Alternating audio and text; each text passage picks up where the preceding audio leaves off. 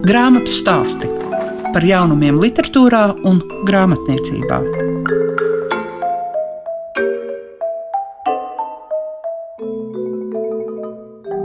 Esiet sveicināti grāmatu stāstu klausītāji. Šodien, kā parasti, ar jums kopā ir Liega Piešiņa, un mēs pievērsīsimies lielajiem kapiem Rīgā un par to attīstību, uzplaukumu, norietu un atkal atzimšanu stāstīs grāmatas autors Juris Millers. Savukārt Mārtiņš Mintaurs ne tikai atklās dažus domzīmes noslēpumus, bet arī pastāstīs par savu kopdarbību ar Māri Zanderu grāmatā UC ārpus kolektīvās atmiņas palikušie. Grāmatu stāsti programmā Klasika.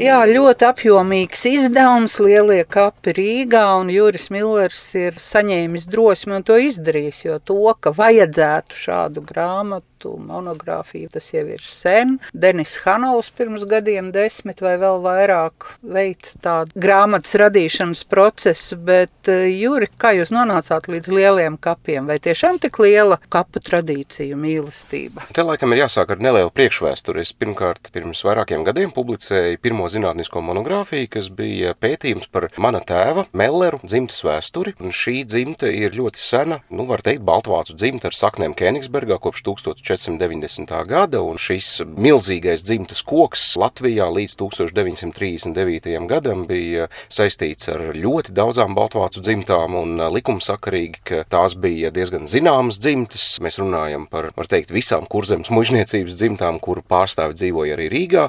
Loģiski, ka daudz no viņiem bija abedīti lielajos kapos, un rakstot šo dzimtas vēstures pētījumu, es pakāpeniski interesējos arī par abedījumu vietām lielajos kapos, meklēju, kurus tad var atrast, kurus vairs ne. Jāsaka, šobrīd man ir izdevies atrast vairākus dzimtas piedarīgos, un uh, starp varbūt tādiem sabiedrībai zināmākajiem es varu minēt Rīgas mēru Džordžu Armitstedu, Rīgas uh, galveno inženieru Adolfu Akti, un, protams, arī emocionāli man sirdī tuvais Johana Friedricha Hartnocha piemineklis, jo viņš bija pirm izdevējs Immanuela Kanta tīrā prāta kritikai, un kāpēc viņš man ir tik emocionāli tūs, jo Immanuela brālis pārcēlās uz kurzem, kur viņš bija mācītājs, un viņa mazdēls aprecējās ar mana vecvectēva māsu. Līdz ar to man ir sirdī rūp arī par kantu dzimtas vēsturi. Es esmu atradis kantu pēctečus, kas kādreiz dzīvoja Latvijā, bet nu dzīvo Panamā, Amerikā un Krievijā. Un es esmu atradis visus šos pēctečus, kuri tagad eh, ir dažādās pasaules malās. Tie bija pirmsākumi. Lēnām krājās daudz materiālu, tie bija apmēram trīs gadi, kur es pakāpeniski apkopoju šos te materiālus, sistematizēju, un eh, šogad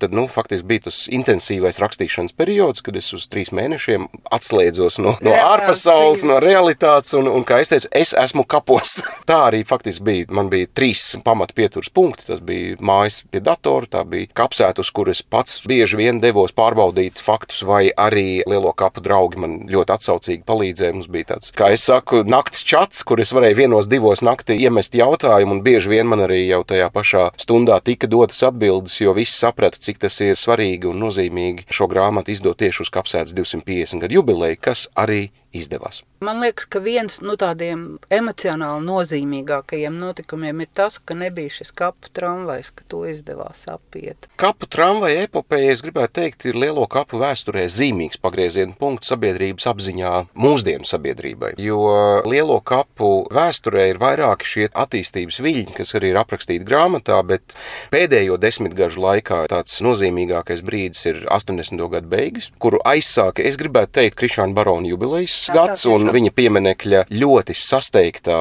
izbūve un atklāšana, jo vēl pavasarī kultūras ministrijai pat idejas nebija par to, ka, ka tur vajadzētu kaut ko Vai darīt. Bet, jā, jā, jā, bet nu, tas sabiedrības sašutums par to, ka Dainu tēvam uz 150 gadu jubileju kaps ir ar sadauzītu kapu plāksni, tas tomēr nebija vairs ignorējami. Un faktiski šī Krišāna Barona, Krišāna Valdemāra un pārējo, kā es viņu saucu, mūsu nācijas ciltstēvu memoriālā laukuma sakārtošana, tas varbūt bija tāds pirmais impulss atmodas sākumā, kam sekoja jau vairākas talkas, ko organizēja brīvprātīgie, un tā tas pakāpeniski pārvērtās par šīs kapsētas atzimšanas periodu. Jā, un lielais tas notikums ar kapu tramvaja absolūti utopisko ideju, nu es viņu varētu salīdzināt tieši tādu pašu stulbumu, kāds bija 82. 83. gadā, kad LPSR dabas un pieminiekļa aizsardzības biedrība gribēja būvēt virs kapiem uz betonu stabiem milzīgu administratīvo māju. Tas arī ir aprakstīts šajā grāmatā, arī saucot vārdā tos biedrības atbildīgos, atbildīgos kuri toreiz to ideju bīdīja un, un kuri faktiski iznīcināja lielu daļu abedījumu tādējādi, bet tagad uzdodas par lielākajiem kultūras pieminiekļu aizsargiem un glabātājiem. Tā cilvēka divkosība ir nožēlojama. Es gribētu cerēt, ka šī grāmata arī kaut ko mainīs, radīs cilvēkos interesi. Kādi jūs redzat lielo kapu vīziju? Lielā mērā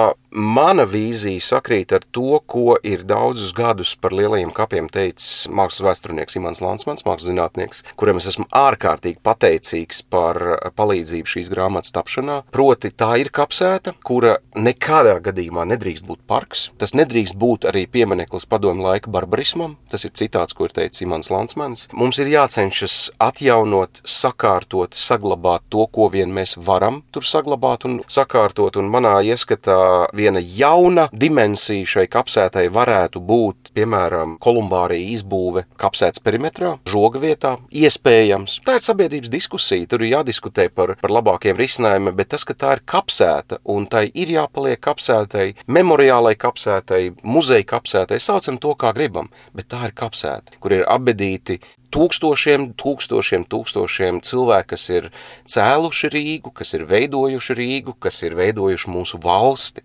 spēlēties uz viņu kauliem, kakināt suņus uz viņu kauliem, tā ir necīņa pret savu nāciju un, un savas nācijas saknēm. Es varu izstāstīt vienu gadījumu. Šīs grāmatas tapšanas laikā jau man jau bija jau manuskripts rokās, es gāju kārtējā izlūk gājienā uz kapiem, lai salīdzinātu šos grāmatā aprakstītos pieminekļu tekstu norakstus ar oriģināliem, un uh, es redzēju kādu jaunekli, kurš cītīgi plūca puķītis. Es piegāju pie viņa un es teicu, zini, ir tāda tradīcija latviešiem, ka no kapiem uz mājām neko nenes. Tas nenesīs laimi. Viņš saka, kā vai tad te ir kapi? Es saku, jā, šeit ir kapi. Tas nozīmē, ka jaunajai paudzei trūkst šī informācija, un tas ir jau mūsu pienākums izglītot jauno paudzi par to, kas šī ir par kapsētu. Jo es domāju, ka tie, kuri pat labāk spēlējas miera dārzā, vispār pat neiedomājas, ka tur ir bijuši kapi. Tur ir bijušas četras kapsētas pretī bijušiem aviācijas institūtam. Arī tur bija kapsēta, un arī to daudzi nezina. Protams,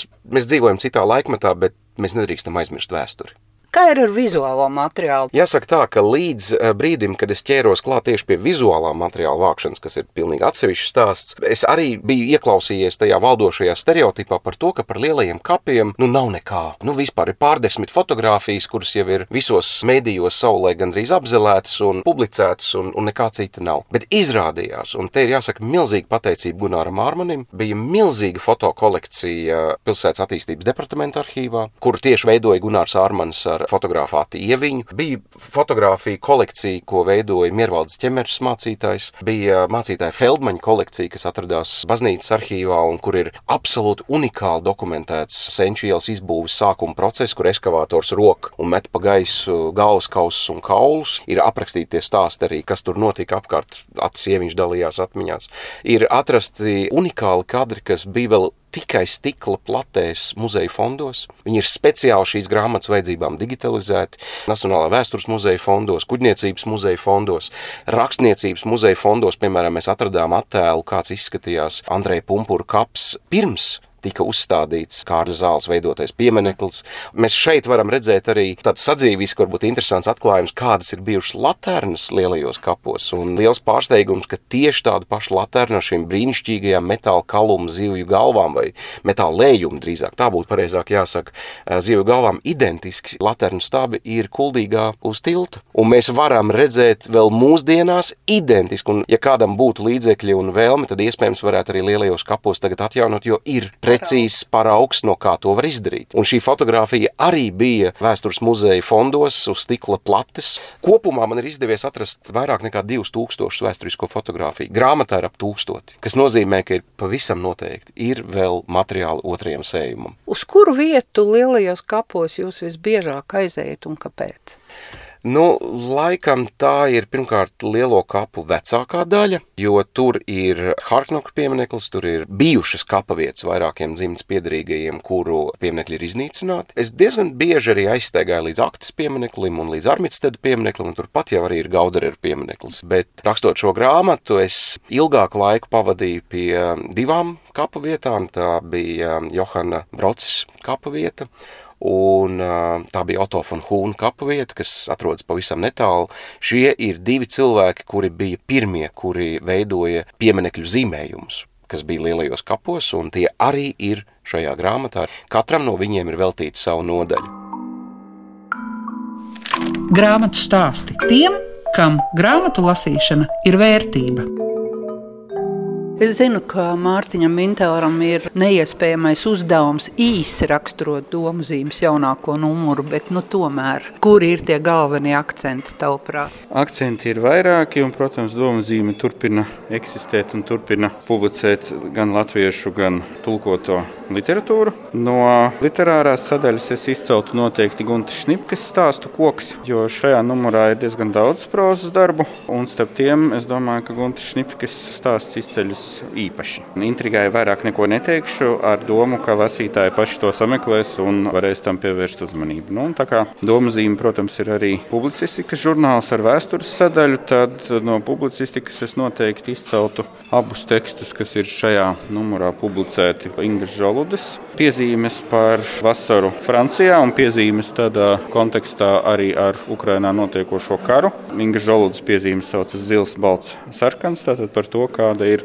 Francijas sabiedrībā redzamā attieksme pret to, kas notiek Ukrajinā un Ukraiņas pretošanos Krievijas iebrukumam, un kā viņi uztver atšķiras no tā, kā mēs uztveram šīs lietas, kuriem tās ir vēsturiski un arī geogrāfiski daudz tuvākas nekā Francijas sabiedrības pārstāvjiem. Un no vēstures sadaļas es noteikti izceltu vēsturnieces Ineses Dreimanes pamatīgo pētījumu, kas saucas Nepabeigtais saraksts, un kurā ir atrodama informācija arī par tādām drūmām Latvijas vēstures lapusēm, kas ir saistītas ar padomju okupācijas režīma represīvo iestāžu darbību un ar cilvēkiem, kuri šo darbību īstenoja. Bet vēl no publicistikas sadaļas es pieminēju, ka tur ir divi materiāli. Ir arī ekonomista Edmunda Krastiņa apcerējums vai esēja, kāpēc Latvija nevar labāk. Tas ir jautājums, kas bieži vien tiek uzdots salīdzinot Latvijas ekonomisko stāvokli ar citām mūsu reģiona valstīm, kaut vai bieži ierastais salīdzinājums ar Igauniju, bet šeit mēs atradīsim ne tikai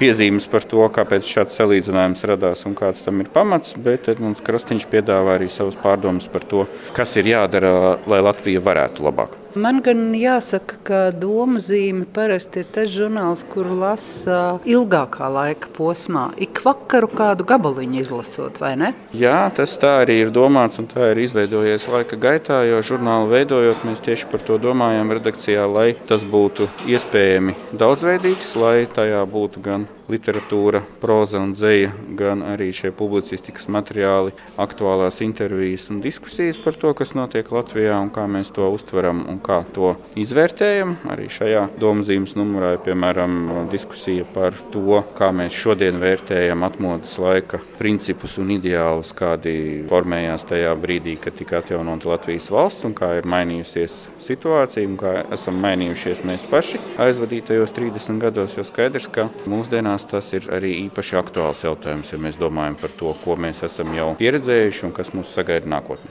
Ir tā, ka ja es pieminu Zanderus, tad ar vienu brāli viesturu strādā vienā stāvā Nacionālajā bibliotekā, bet ar otru brāli ņem un uzraksta grāmatu ar Māri. Kā tad tā? Nu, dzīvē tā gadās, jo tas, ka mēs esam kolēģi ar profesoru Viesturu Zanderu Latvijas Nacionālajā bibliotekā kā pētnieki, tā ir ļoti liela veiksme, jo, protams, ir ļoti svarīgi, ka tad, kad man personīgi tas ir bijis svarīgi, ka tad, kad es sāku strādāt Nacionālajā bibliotekā un pakāpeniski kļuvu par pētnieku, protams, ir būtiski, ka Līdzās ir kolēģi, kuriem latviešu grāmatniecības vēsture ir ikdiena. Profesors Zanders arī lasa lekcijas par latviešu grāmatniecības vēsturi, un tāpēc es vienmēr zinu, ka ir cilvēks, kuram es varu pajautāt lietas, faktus, kas man pašam nav zināmi, vai kas ir zināmi tikai daļēji, vai par ko es esmu tikai dzirdējis. Es zinu, ka tur būs materiāls, un tur vienmēr būs atbalsts un atbildi par to. Savukārt ar Māri Zanderu mēs esam pazīstami arī kā cilvēki, kurus interesē vēsture, un no šīs kopīgās intereses par vēsturi izveidojās sākās jau pagājušā gada vasarā tāds sarunu cikls attālinātajā formātā, kā tas tagad ir mūsdienās populāri un bieži iespējams un varbūt atvieglo kādu komunikāciju tīri tehniskā ziņā. Un no šīm sarunām, kas tiešām bija brīvā formā un arī par visu, kas ienāk prātā, sākot šķetināt vienu sarunas pavadienu, bet turoties apmēram pie 19. gadsimta un nedaudz iekāpjot arī 20. gadsimta pirmajā pusē līdz otrajam pasaules karam, nu, gala rezultātā izveidojās grāmata, kas ir šo sarunu atšifrējums un papildinājums, pievienojot gan ilustrācijas un Intai Saulītei Martai Zanderei paldies par to, kā tika organizēts arī grāmatas tapšanas process. Arī tur es jūtu tādu spēcīgu atbalstu, ka autors netika atstāts viens pats ar uzdevumu sameklēt, piemēram, ilustrācijas un tad domāt, ko ar to visu iesākt tālāk. Man katrā ziņā ir ļoti labas atmiņas, nu jau var teikt par pašu grāmatas tapšanu un prieks arī par to rezultātu, kāds ir izdevies. Pārējo lasītāju spriedīs paši. Nē, tagad vajadzēs pastāstīt, par ko tad te grāmata ir. Grāmatas nosaukums ir drusku dīvains, bet tas ir apzināti tā tika veidots. Grāmatas nosaukums un citi aiz kolektīvās atmiņas palikušie. Proti, mūsu sarunas sākās par tēmām, par kurām mēs sabiedrībā kaut ko zinām nedaudz vai zinām daļēji, bet kas vēl līdz galam nav apzināts, nu, piemēram, par latviešu uzņēmējiem 19. gadsimtā un 20. gadsimta sākumā, arī par kultūras vēsturi, gan par dažādām biedrībām, kas bija ļoti populāra lieta 19. Gadsimtā un kas izveidoja faktiski visu latviešu sabiedriskās dzīves pamatu tajā laikā, kad līdz 5. gada revolūcijai piemēram, politisko partiju darbība Latvijas teritorijā nebija iespējama, jo Krievijas impērijā tas nebija atļauts. Un tā mēs sākām runāt par to mazāk zināmo Latvijas latviešu vēstures daļu, kas patiesībā radīja priekšnoteikumus gan tam, lai pēc visiem Pirmā pasaules kara postījumiem izveidotos Latvijas valsts, gan arī, kas vispār ielika pamatus daudzām lietām latviešu kultūrā un kāpēc mēs varētu šo periodu no 19. gadsimta pēdējā ceturkšņa līdz Pirmajam pasaules karam bez pārspīlējuma nosaukt par pirmo zelta laikmetu latviešu profesionālajā kultūrā, jo par to mums liecina gan latviešu literatūras vēsture, gan Nacionālajā mākslas muzejā pieejamie krājuma dārgumi. Atceramies arī nesen notikušo Vilhelma Purvīša jubilejas izstādi un ne tikai Vilhelma Purvīta, respektīvi, kā bija iespējams, ka tādos apstākļos, kas nebūtu nebija labvēlīgi nacionālās kultūras attīstībai, ne ekonomiskā, ne politiskā, ne sociālā ziņā, kā bija iespējams, ka mēs ieguvām to latviešu kultūras zelta fondu, kuru mēs joprojām arī izmantojam un kas ir svarīgs mums šodien. Man gribas šo grāmatu raksturojot pieminēt vārdu attraktīvs. Piekrītu, jo es saprotu, ka tāda ir arī visas šīs grāmatu sērijas doma un galvenā ideja. Un tiešām paldies Mārim Zandaram un viņa komandai un kolēģiem, kas šo sēriju veido, jo mums Latvijā un latviešu valodā tas ir tāds pirmais un unikālais gadījums, kad iznāk ne tikai atsevišķi darbi, bet nu jau var teikt grāmatu sērija kas ietver sarunas ar vēsturniekiem par ļoti dažādām tēmām. Ja šī sērija sākās ar sarunām ar Jānu Šiliņu par latviešu strēlnieku vēsturi 20. gadsimta sākumā, Pirmajā pasaules karā un, un sekojošajos notikumos, tad nākamās grāmatas arī vienmēr pievēršas kādam it kā sabiedrībā zināmam, un tomēr, tad, kad to sāk šķietināt nezināmam tematam, piemēram, kas ir Zviedru laiki 17. gadsimtā, kādas bija mūsu attiecības ar Vācu baltiešiem vai Baltijas vācu kopienu, kāda ir mūsu uztvere par Livonijas periodu Latvijas vēsturē, piemēram, grāmata, kur ir saruna ar uh, Andriu Levānu, tāpat arī grāmata ar nosaukumu Pielāgošanās, kas arī ir vizuāli ļoti attraktīva un kas veltīta padomu okupācijas periodam Latvijas vēsturē. Es domāju, ka arī labi tas, ka šīs grāmatas nav tādā stingrā chronoloģiskā secībā, kad mēs sāktu ar arheoloģiju un, un nonāktu līdz mūsdienām, tāpēc, ka, lai vēsture būtu interesanta arī kā literatūra un kā lasīšanas tēma, tad tai ir jābūt tādā formā un tādā formātā, lai to būtu interesanti lasīt. Šis grāmatas formāts sarunas veidā, ko mēs pazīstam jau no antīkās kultūras, kā dialogu metode, es domāju, ka tas ļoti labi darbojas arī mūsdienās, tāpēc ka lasītājiem ir interesantāk, ja par vēsturi sarunājas dialogu formā, nekā lasīt vienkārši kāda vēsturnieka garus un faktiem bagātus apcerējumus par kādu interesantu periodu, bet eh, tas veids, kā informācija ir pasniegta akadēmiskajā vidē, nevienmēr ir tik pievilcīgs. Ja? Tāpēc šāds sarunas formāts, manuprāt, ir arī ļoti ļoti laba ideja, kas darbojas. Populāra zinātniskā literatūra. To arī sauc mūsdienās, ir vesels virziens, ko tieši tā arī sauc par populāro vēsturi. Un, protams, ka tā nav plānāka vēsture vai sliktāk uzrakstīta vēsture par to, ko mēs lasām akadēmiskajos izdevumos, bet tas ir veids, kā izstāstīt to, ko mēs zinām par pagātni un ko mēs uzskatām par svarīgu, lai to zinātu arī citi un lai to zinātu plašāka sabiedrība. Tas ir veids, kā šo informāciju nodot lasītājiem, un vēsturniekam ir mūsdienās jāprot būt arī populāram izskan grāmatu stāsti. Šodien tāds kungu laiks bija, jo Juris Millers stāstīja par lielajiem kapiem Rīgā, kurus šķiet pārzina nu jau diezgan labi. Un vēl dzirdējāt Mārtiņu Mintauru, kurš pastāstīja par kopā ar Māri Zanderu radīto grāmatu ārpus kolektīvās atmiņas palikušie. Visu labu jums saka Liega Piešiņa un cer, ka arī labā laikā var lasīt grāmatas.